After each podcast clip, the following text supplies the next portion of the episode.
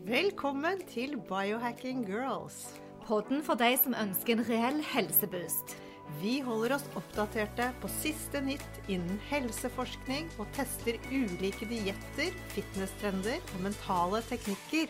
Ja, bli med oss på en spennende reise der målet er å lære hvordan din kropp kan heales, hvordan du kan aldres i revers, og hvordan intuisjonen din kan styrkes, så du tør å stole på egne helsevalg. De siste ti årene så har jeg eksperimentert med ketogent kosthold. Jeg gikk rett fra vegetarisk kosthold og over til det ketogene. Det har utviklet seg over tid, og jeg har virkelig funnet ut at dette er det jeg trives veldig godt med. Det har masse helsefordeler, eh, både mentalt og fysisk. Du slipper å tenke så mye over at du får i deg de, så mye vitaminer, for alt kommer ganske sånn naturlig. Eh, jeg er veldig fan av eh, ketogent kosthold. Og det er det vi skal snakke om i dag. Men Monica, du har også eksperimentert mye med kostholdet. Ja, og det er så interessant når du skrur på den knappen der, så altså, det, bare renner ut av deg, for du har veldig lang erfaring med keto, Alette. Og du har inspirert meg òg. Eh, jeg har vært borti lavkarbo eh, og hatt mye fokus på å kutte prosessert mat, eh, alle disse carbsene som jeg ikke har lyst til å ha i kroppen. Jeg spiser ikke brød, med unntak litt innimellom. Og har vel kanskje òg de siste årene hatt mye mer fokus på keto, da, og øke protein, og spesielt fett. Og jeg vokste jo opp og likte ikke smør, jeg likte ikke melk. Ehm, så det er noe jeg har måttet lære meg å like. Og nå kan jeg leve med det og like det godt. Av og til mikser jeg litt smør med olivenolje da, for å få litt den olivenoljesmaken som jeg egentlig liker bedre. Men i kaffen så, så, bruker jeg jo til og med fløte, og det trodde jeg nesten aldri skulle skje.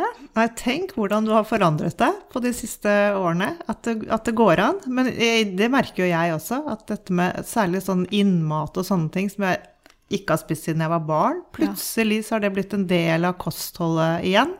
Og jeg ler sånn jeg tenker på hver gang jeg har en sånn Rørosmeieri-fløte, så shaker jeg den sånn skikkelig så den blir sånn creamy, for det, det er lett å gjøre, da. Som har lært. Men vi har jo lagd et par episoder, faktisk en av de første. Episode tre, den handler om faste. Og der går vi innom litt mer detaljert om ketoner og keto. Mm. Og så har vi òg en episode om sukker. Så alle de episodene her går, Den er episode ti, tror jeg, hvis jeg husker riktig. Men alle de episodene der handler jo litt om keto på mange måter òg. Absolutt. Kutte, altså bli kvitt med cravings, kutte carbs og det som skjer med kroppen din, og eh, si, cellefornyelse, eh, veksthormon, alt det som skjer under faste òg, da. Mm. Autofagi. Så, så, keto. Men, men det jeg syns har vært litt kult, da, nå i 2021, siden vi lanserte podkasten vår, så har vi jobbet mye med keto, kosthold og intermittent fast, periodisk faste på kursnivå, så vi har jo coachinger, og vi har kurs, nå. Vi er ferdig med enda et kurs. Eh, så mange fornøyde kunder som bare har fått en, rett og slett en helsegevinst ut av dimensjoner. Ja, det er kjempegøy. Og vi har, for vi har jo brukt det siste året på å utdanne oss til keto coacher. Og det har jo vært superspennende og så gøy å kunne dele det med andre. Og at folk virkelig er interessert og ser fordelene av dette med å bli ketogen. Og vi har jo ikke en hvilken som helst eh, si, coach som har lært oss det, er doktor Eric Berg fra USA. Eh, og det er en veldig omstendelig utdannelse, så man lærer alt om ja, alt fra insulin til kolesterol. Man har gått virkelig inn i det medisinske, og så må man bestå denne eksamen da etterpå, så den har begge to tatt. Og takk og lov, for dette én ting er livserfaring, men det er greit å ha det medisinske og eh, terminologien rundt keto i tillegg. Det er akkurat det. Det er lettere å skulle formidle til folk når du har den tyngden i bakgrunnen, og ikke bare snakke ut fra egen erfaring, for det er jo veldig viktig at vi er individuelle. Helt riktig. Bioindividuelle. Og så får vi mye henvendelser da. Folk spør å, kan du være så snill å sjekke om mitt kolesterol er riktig og sånn. Og da sier vi jo at vi er biohackere. Det kommer et ansvar å bringe så mye ny kunnskap ut, men vi kan da ikke opptre som vi var leger.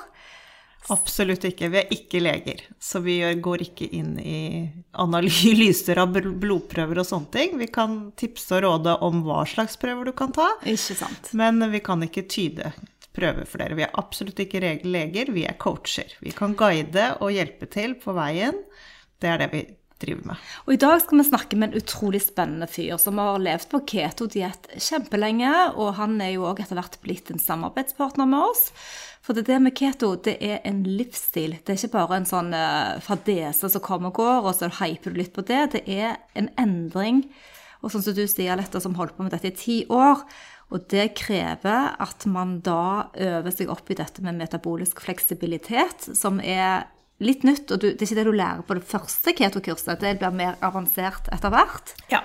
Må, først må kroppen venne seg til å brenne ketoner som, uh, som drivstoff.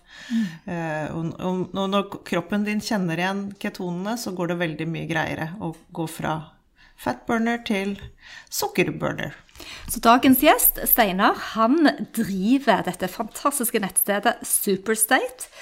Og der har vi jo eh, kjøpt masse gode supplementer. Eh, nå kan vi da si at eh, hvis du går på et eh, sunt og fornuftig ketogenisk kosthold, så skal du ikke trenge for mye supplementer. Men disse som vi bruker da, det er jo ofte elektrolytter, naturlige ting, magnesium, mineraler. Og så er det kanskje kaffen da, som er organisk, bulletproof f.eks. Eh, probiotika. Han har iallfall en rekke spennende eh, produkter som vi er veldig fan av. Men vi skal faktisk få høre Steinar selv og hans egen historie, for han var òg syk. Så han la om kostholdet sitt, eh, ble keto-tilhenger han òg. Og han er frisk som en fisk og en veldig kul, eh, ja, inspirerende sjef. Ja, det blir kjempegøy å høre om hans historie. La oss hoppe inn i samtalen med Steinar. Velkommen, Steinar. Hei, tusen takk for å bli invitert. Tusen takk. Um, ja, um, dere ønsker litt info om keto. Um, det er jo litt, skal jeg si, kanskje spesielt, en spesiell grunn til at jeg har blitt såpass skal si, god venn med det kostholdet. Og for min del så er det jo skal si, en sykdom som uh, er det utslagsgivende. Og jeg vet ikke hvor kjent dere er med det, men um, jeg har jo vært igjennom litt forskjellige typer sykdom opp gjennom åra. Og det var i 2011 at uh, jeg fikk diabetes type 1-diagnosen. Og det ble egentlig skal si, det som fikk begeret til å renne over for min del. Um, fordi da hadde jeg uh, noen år før det, 20, uh, si 2006, fått uh, en kreftdiagnose. Og før det så hadde det egentlig vært en del andre si, småproblemer. Så når uh, legen ga meg den diagnosen i, i, 2011, så hadde jeg egentlig fått litt nok. Og særlig når helsevesenet tidligere ofte brukte uflaks på de fleste av de diagnosene jeg hadde fått. Um, så jeg begynte egentlig i sykehussenga Eh, og gjøre research på hvordan jeg kunne gjøre forandringer i min livsstil for å si, gjøre, meg, gjøre det mindre sannsynlig at jeg skulle ha uflaks i fremtiden. Så, så jeg um, gikk egentlig ut av sykehusdøra den, en høstdag i 2011 og gikk rett bort til en bokbutikk og kjøpte Sofie Hekseberg sin kokebok. Og hadde mitt uh, mitt første lavkarbokosthold den dagen, og har egentlig ikke sett tilbake siden da. Så det, så det har på en måte vært mitt, mitt livsstilskosthold siden, siden 2011. Med selvfølgelig modifikasjoner. Ja, Det er jo imponerende, for det, man, det, krever veldig mye både innsikt og selvinnsikt og styrke til å kunne bare legge om sånn over natten, sånn som du har gjort da. Visste du, hva visste du om dette kostholdet på den tiden? Fint lite. Det var jo egentlig Jeg vet ikke om man husker litt tilbake til hvordan det var før. Det har jo liksom vært eh, Jeg føler liksom kosthold har eh, fått på en måte spalteplass i tabloidavisene sånn, i sånne sykluser. Og det er på en måte Det virker som det går i sånne trender med, med hva som blir eh, profilert. Og som med lavkarbo da, rundt den tiden, så var det på en måte det fikk jo litt medieomtale, men det var veldig farlig. Eh, det var det her med metta fett, og det hjerte-karsykdom og livsfarlig, farlig, farlig. Så, så Kolesterol. jeg på en måte Hva sa du? Ja, kolesterol og ja. Eh, Stemmer. Så, så, så jeg- for min del så ignorer, valgte jeg egentlig å ignorere det, for jeg følte vel egentlig at alle de typiske rådene jeg hadde fått før, og jeg følte jo egentlig at jeg levde et sunt liv før jeg fikk eh, diabetes. Eh, Men ingen av de tingene fungerte jo akkurat tydeligvis så veldig godt for min helse, siden jeg hele tiden fikk diagnoser.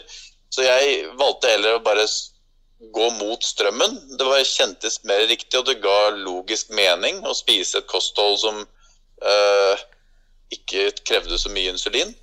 Så mm, Du kjente det vel det etter hvert på kroppen din også, at dette funket, vil jeg tro? Absolutt, absolutt. Det var jo eh, Jeg begynte jo med både hurtigvirkende og langtidsvirkende insulin. ehm, samtidig som jeg da tok de første stegene med lavkarbo. ehm, men etter ca. seks måneder fra diagnosen, og også da at jeg endra kostholdet, så, så kunne jeg jo faktisk eh, legge begge de insulinpennene til side og, og klare meg med den insulinproduksjonen jeg faktisk fortsatt hadde. Det er jo helt Så- utrolig. Ja, dette er jo Ja, det var jo ganske utrolig. Ja, for det er jo målbart, og det er jo det vi er interessert i. sant? Og, men hva spesifikt tror du, eh, hvis vi tenker keto, siden lavkarbo var på en måte forløperen for keto, hva tror du spesielt fra dette kostholdet som har liksom reddet deg? Jeg tenker det er mange som har autoimmune sykdommer, så hva tror du det er? Er det økningen av fett? Er det bort med carbs? Hva er den viktigste utslagsgivende effekten du følte? Um, jeg tror det er eh, for det første redusering av carbs. Uh, og i begynnelsen så var jeg også ganske strikt med proteininntaket. Uh, og så er det selvfølgelig da, for å i det hele tatt skal få en metthetsfølelse i det, så er det jo, er det jo fettet som er driveren. Så, og jeg vil vel si én ting som kanskje man kan gjøre på alle typer kosthold, men for meg så har det er jo den type kosthold like mye kvaliteten på råvarene som eh, skal si makroene, altså karbohydrater, protein og fett. Så det har på en måte vært et kosthold som har gjort at jeg gikk fra å skal si, bare, før, før jeg gjorde om på livsstilen, så var det jo ikke Jeg var ikke fremmed for å kjøpe en eh, pizza Grandiosa, f.eks. Og det gikk jo mer på å ha en følelse av at mat skulle bare gi meg en metthetsfølelse, annet enn, enn at det faktisk gir meg næringsstoffer kroppen trengte. Um, så det har på en måte vært en kombinasjon av å rett og slett ha helt, eller mye bedre makroer jeg følger i forhold til protein, karbohydrat og fett, men like mye at jeg spiser ekte mat nå. Det, det er på en måte, Nå lager jeg maten fra bunnen av. Før så var det kjappeste vei til å få noe inn i munnen, rett og slett. Jeg tror mange Så- kjenner seg igjen i det, Steinar. For det er jo litt sånn at vi er i farten hele tiden og, før, og vil finne enkle løsninger. Men du, tilbake til diabetes. Siden det er såpass mange som er både Ja. prediabetes, og nå fikk du diagnosen, da, men allikevel. Hvordan opplever du både nettsiden til Diabetesforeningen og kostholdsråd som vi står overfor i Norge? Hvordan støtter dette sykdomsbildet til en med enten prediabetes eller faktisk utviklet diabetes? Ja, Du rører vel egentlig inne på noe som jeg har kjent på selv, og som, skaper, som skaper egentlig en del frustrasjon for min del. Da, som har fått erfare at det er jo faktisk muligheter selv med en diagnose som diabetes type 1. Eh, fordi går man på en måte til Diabetesforbundet, så, så er særlig den diagnosen mer eller mindre betegna som en uflakssykdom. og mm, jeg syns jo det er veldig uheldig, siden det setter oss som får den sykdommen, i en slags offerrolle. Og, og gjør man egentlig Man får egentlig bes- beskjeden om at det er ikke så mye man kan gjøre. Og, og det er faktisk helt konkret det jeg har blitt fortalt hver gang jeg har vært til lege eller til oppfølging på sykehuset, og det er jo at det eneste jeg skal forholde meg til, er å sette insulin i henhold til det jeg spiser. Ingenting om forhold til hva jeg faktisk kan spise, og hva som er best for meg å spise. Men jeg kan leve på potetgull jeg for, for, alt hva de bryr seg, eh, så lenge jeg setter et insulin som, som, passer, eh, som passer overens med det, det, jeg da trenger. Så det er der det skurrer litt da, eh, for meg. Og nå har jeg jo da gått den ferden med, med si, et, et, et liv, en livsstilsendring som har si, komplementert min diagnose bedre. Og det viser jo da at det er ting man kan gjøre. Um, og som jeg da var inne på det. Etter seks måneder så, så la jeg jo da um, insulin på, si, på, hylla og klarte meg med den insulinproduksjonen jeg selv hadde. Og hadde jo da den type, eller brukte livsstil som skal si, min uh, medisin uh, i seks år. Så, så det er på en måte jeg skulle ønske det var mer snakk om i helsevesenet om mulighetene og den kraften hver enkelt sitter i når man faktisk bare tar de grepene som trengs, enn å bare bli sittende som en eh, skal jeg si, ja, som et offer da, for det som uh, har skjedd. Ja, og det er jo det de fleste havner i, er jo den offerrollen og at du tror ikke du kan gjøre noen ting. Nei, nei, jeg får bare gå på disse medisinene resten av livet og høre på legene, ikke sant. Det er jo det vi holder, prøver å endre på nå.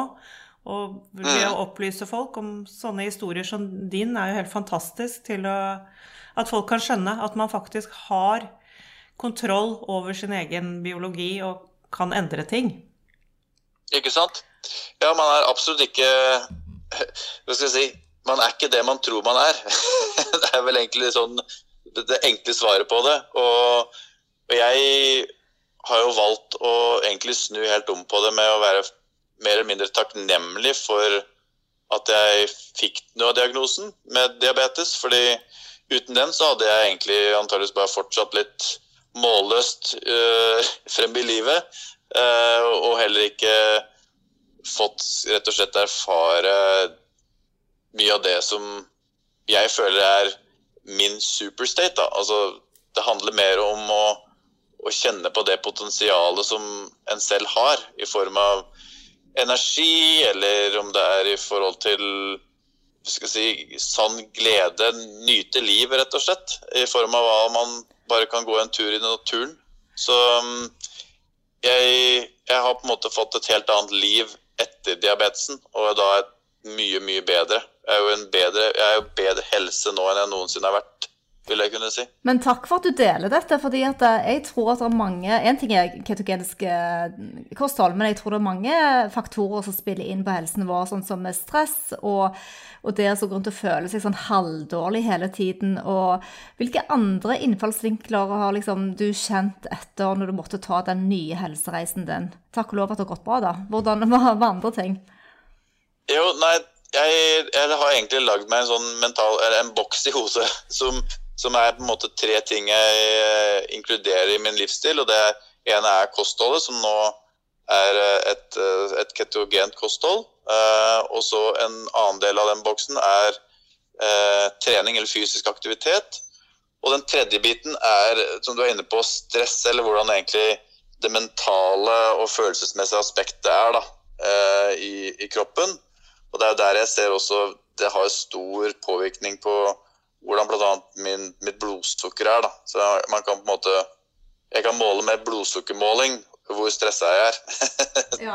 Så, så det, det, er et, eh, et, område jeg vier ganske mye tid til nå, og med stor interesse, da. Hva gjør du for å håndtere stress? Altså det skjulte stress, eller hvilket som helst stress, som vi alle kjenner på. Hva gjør du? Eh, jeg vil vel si at eh, akkurat nå så er det mer å være bevisst på si, tilstanden man fort havner i, og heller stoppe det der eh, før det blir for, for gærent. Um, før så kunne jeg på en måte la meg selv sulle eller gå ned i den spiralen og bare skal si, la én ting spinne videre på neste, og så til slutt så er det ganske grått og trist uh, i hodet. Um, mens nå så, så stopper jeg egentlig bare Jeg vet bedre at det er ikke noe det er ikke noe godt på andre siden hvis jeg fortsetter det tankemønsteret der. Så, det, så jeg stopper det før det, før det skjer noe. Eh, hvis det er en god nok forklaring. Ja, men hvordan, vel, hvordan, stopper du det? Altså, begynner, vil, puster det, det, du, ja, eller, eller, Nettopp. Eh, det er nettopp det. Og så Det som jeg merker meg, er vel egentlig man fort Når man kommer litt ut av sporet, så er man enten i en tanke som er om noe som har skjedd, eller så er det noe man bruker voldsomt mye tid på i forhold til å planlegge eller bli stressa om for hva som kan skje i fremtiden. Mm. Eh, så for min del så er det å komme tilbake til nuet. Eh, bli litt, som du er inne på, grounda i å være her og nå. Eh, kjenne på føttene hvor de er plassert, og samtidig bare ta en, en god pust.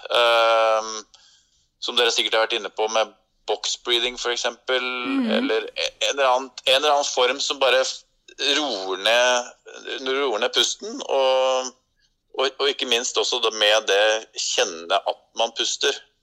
Um, det, har, det, hjelper meg veldig. Og, Superbra. Det er kjempebra. Og jeg tenker òg enkle ord, affirmasjoner. bare sånn hvis det er en stressende tanke som kommer opp i hodet ditt, bare si 'let go', 'let go', og så kommer man tilbake. 'Let go', og så bare øve seg litt på det. Men du, et annet eh, aspekt med livsstilen rundt både kosthold og stress og keto, da, det er jo dette med tarmhelse. Og jeg, vi får inntrykk av at veldig mange går rundt og føler seg oppblåste, de klarer ikke å gå på do, tarmene fungerer ikke. Og så kan man sikkert skylde på mange ting eh, som stress og det vi snakker om nå. Men hva, hva, tenker du om det? Det å få gå på do hver dag. Altså, det er sånn um, Ja, men det er viktig. Ikke sant? Ja, det er veldig viktig.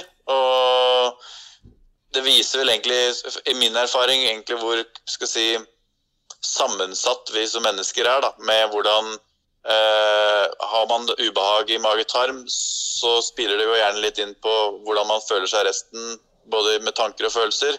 Eh, men samtidig så er man på en måte stresset tankene, så kan man garant, være garantert på at det vil få utslag på forstoppelse eller noe i mage-tarm også. Mm. Så det er det, det, er den, det, er det samspillet um, som man må på en måte Jeg har vel egentlig, siden jeg begynte på min reise, da begynte jeg å se etter den derre one skal si, Den løsningen som skulle løse alt. Den lille greia som bare nå Da var alt i orden.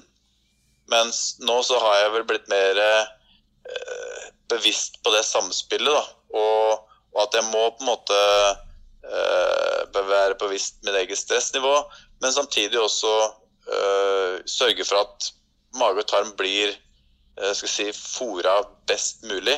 Eh, I form av både kostholdet og også og tilskudd som, som, støtter opp under um, en tarm som for min del har fått kjørt seg i ganske mange år før, uh, før jeg faktisk gjorde endringer i livsstilen. Så, um, Men du, dette med, buks, dette med bukspyttkjertelen, som da er et organ som ikke snakkes mye om For det, jeg vet jo at dere mm. har en del produkter fra Superstate. Uh, hvordan, hvordan, har du opplevd at det, fordi at ikke de enzymene virker så godt i bukspyttkjertelen, så, så renser ikke kroppen den maten ut, og fordøyelsen stopper jo opp når ikke leveren kan gjøre jobben sin. Har du egne erfaringer på det som du kan dele med oss? Ja, nei, jeg, jeg har egentlig da i årevis vært plaget med, med, forstoppelse, så jeg kjenner meg veldig igjen for de andre som hører på, som, som har samme problem. Og det er, det er jo veldig ubehagelig. Uh, jeg har uh, egentlig prøvd alt mulig rart fra tarmskylling til eh, skal si, mer laksative tilskudd, bare for å få på en måte den forløst i hele forstoppelsen. Mm. Fordi det har, det har, vært dager eller det har vært perioder hvor det før har gått dager hvor jeg ikke har kunnet gå på do. Og, og det har på en måte vært eh, skal si, Det er da jeg ser på en måte samspillet mellom alt med min diagnose, mage-tarm og, og, måte hvordan det hører alt sammen. da. Um, så, så, for min del så var det da en gavepakke når vi kom over uh, Biopmizers med de fordelelsesproduktene de har, og, og få skal jeg si, mer grunnleggende hjelp i, for min fordelelse, med særlig eh, det fullspektra enzymene Masszymes de har, og de, det eh, probiotikatilskuddet P3OM som de har. Det har på en måte blitt på en måte min eh, skal jeg si, Cocktail? støtte. Ja, cocktail eller støtte som, som på en måte gjør at ting nå fungerer eh, bedre. Ikke bare pga. Skal si, den helsesituasjonen jeg er i, men også fordi jeg gjør endringer nå i kostholdet som gjør at jeg spiser mer. For jeg, jeg trener mye hardere nå, uh, så jeg må ha mer mat. Og da kommer de, de, de to uh, tilskuddene veldig godt til nytte. Fordi de bare hjelper med opptaket av all, alle næringsstoffer man får i seg. Så, så det betyr jo da at bukspyttkjertelen virker bedre fordi du får bukspyttkjertelenzymer som hjelper deg å fordøye maten, sånn at det faktisk skal komme ut i do da til slutt. ikke sant? Og at leveren kan gjøre jobben sin. Så det er jo veldig bra. Vi har jo, vi har jo begge to testet de og syns de er helt fantastiske. Elsker det. Ja. Men apropos eh, på denne reisen din, når, når kom Superstate og nettbutikken deres opp? Altså, Vi må jo bare si at uh, I god biohacking Ja. on og en biohacker med respekt for seg selv snakker jo med de store brandsene. Og du har både Bulletproof og Biooptimizer, så vi føler jo at nå har vi blitt ekte biohackere når vi får deg på banen her, ikke sant? Ja. Hvordan greide dere det, Steinar? Hva- Hvordan greide vi hva? Å, å, å catche disse fantastiske produktene. Og når, Ja. når, hvor i reisen din var du? Um, skal vi se nå jeg bare tenke meg litt om. Det, jeg hadde jo holdt på med min, eh, min helsereise en stund, og i, som man sikkert mange har, har opplevd um, Når man begynner med en livsstilsendring, så blir man skal si Det er blanda med en sånn usikkerhet, fordi man lurer på om man gjør de rette tingene. Er det her det beste produktet? og så videre. Og det, for min del så merker jeg at man da blir litt Man tar ikke nødvendigvis det steget man ønsker eller bør, ta, bør ta. Så med Superstate så, så har vi egentlig løst vårt eget problem med å få tak i de gode produktene som faktisk fungerer. Um, og gjøre de tilgjengelig i Norge. Så, så det var egentlig litt for å løse et problem vi selv følte på. Og og hvordan vi har fått tak i det, ja, det er et godt spørsmål. Det var egentlig bare å, å spørre. Ja. det, Men Det hva var, hva var, var det eh, du så etter når du valgte disse produktene? Fordi ja, i min verden er det jo også de beste produktene man kan få tak i, så ikke sant? Bulletproof har jo på en måte vært litt foregangs-brandet si, for keto. Um, og, og Bulletproof kaffe har på en måte blitt et fast innslag hver dag siden første kopp, flere år tilbake. Så den har på en måte, det, det var naturlig å, å få inn og de, og med Dave Asprey er jo biohackerens far, kan vi nesten si. Så, så det har på en måte vært uh, var, var, det første merkevaren vi tok inn. Ehm, og med Dave Asprey sin podkast så ble jeg der klar over eh, Eller ble introdusert for Biooptimizers med, med Wade og Matt.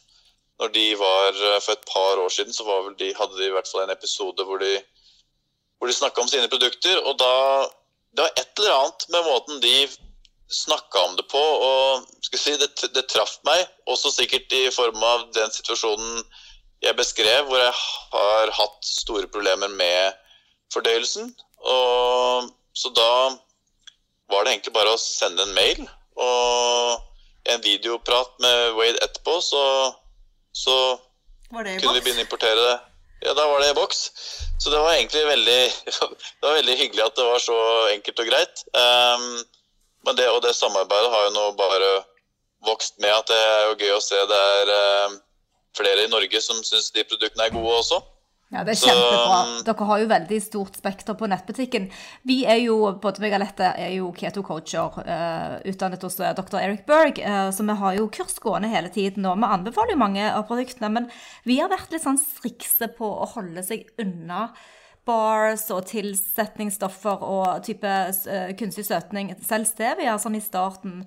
Eh, rett og slett for å lære seg litt eh, den omleggingen først. Én ting er elektrolytter, for det er bare naturlig salt, men heller prøve å ta de uten søtning, da.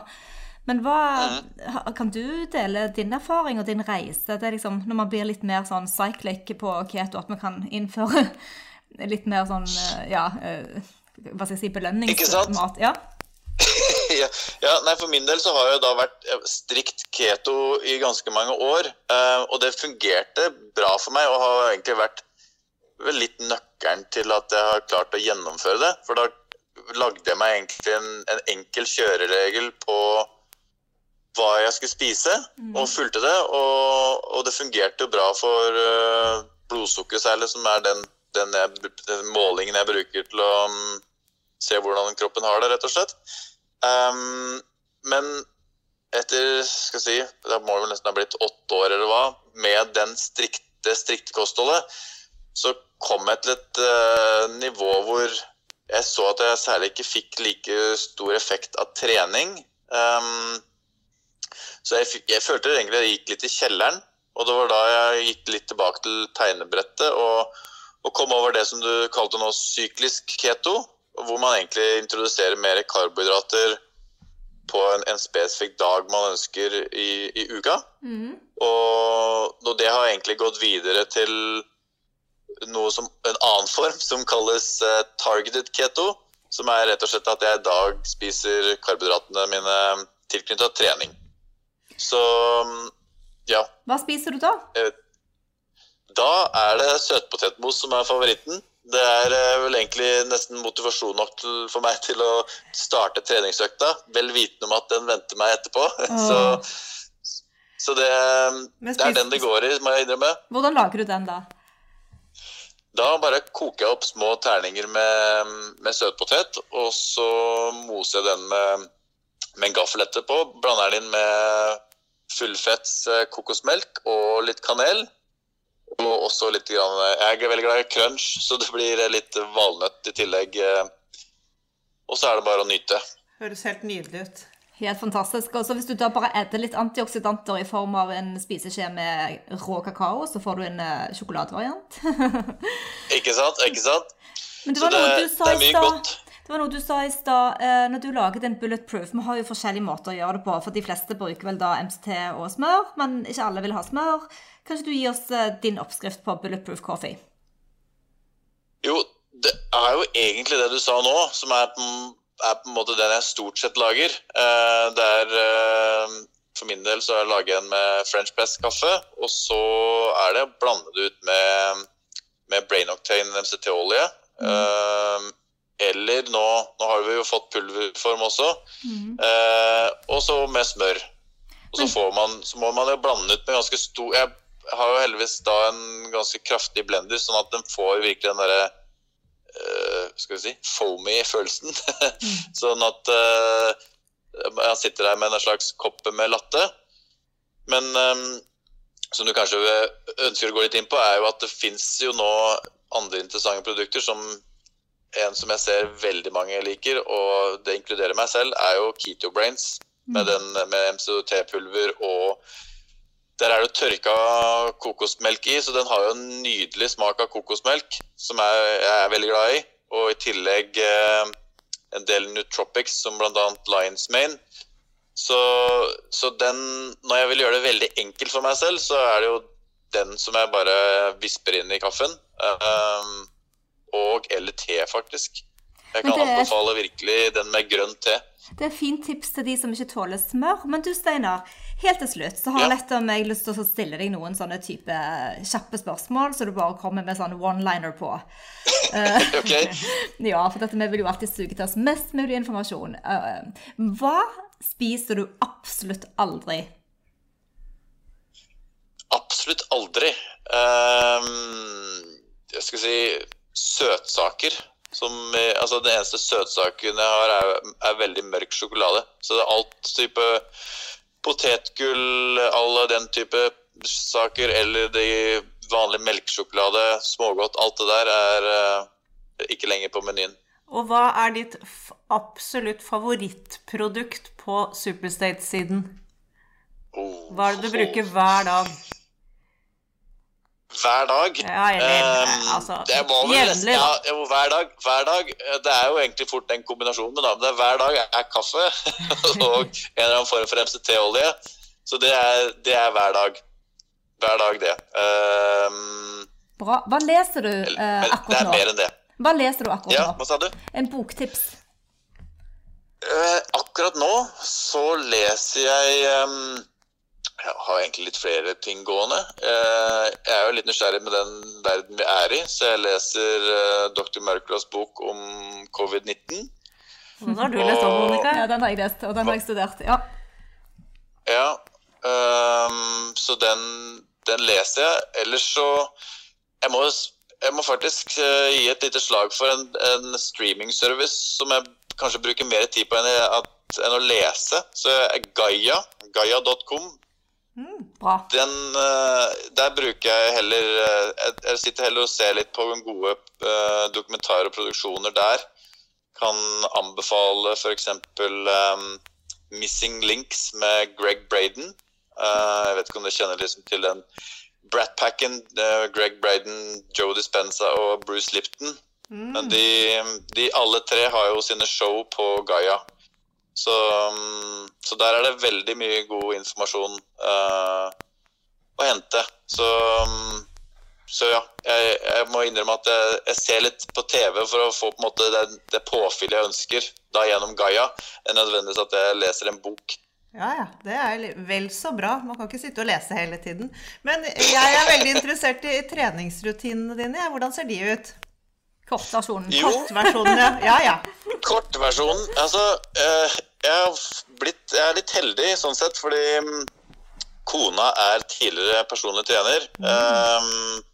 så jeg får ganske skal si, personlig oppfølging i forhold til trening, men det har blitt eh, mer fokus på skal jeg si, muskelvekst. Eh, jeg har, bare sånn så det er sagt, vært plaga, plaga med, jeg må si jeg har vært plaga av å være tynn stort sett hele livet.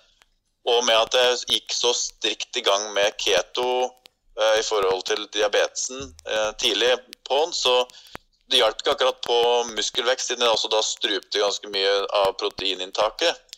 Så, mm, så nå er det mer fokus på, på å øke proteininntaket og, og trene, trene muskler, muskelgrupper. Eh, særlig core.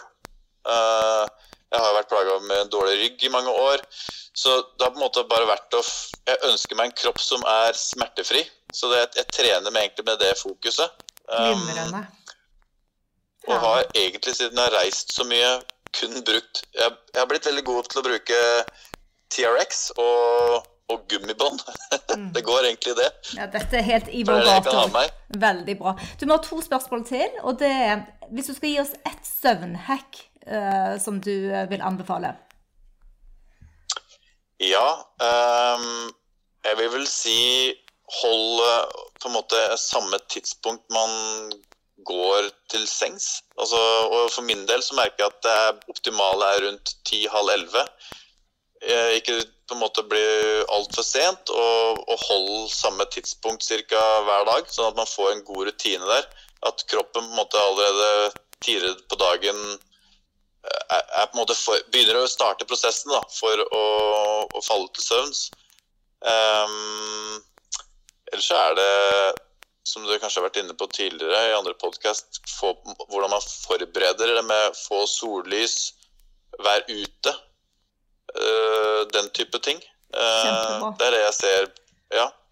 Du, det har vært en helt utrolig eh, herlig samtale med deg, Steinar Fistøren. Og vi har jo da tenkt at vi kunne avslutte med, siden du befinner deg på sydlige breddegrader akkurat nå, så Ja. avslutte med et siste spørsmål som da inspirerer oss nå, for nå går vi inn i en litt mørkere tid. Eh, Hvor ligger favorittstranden din?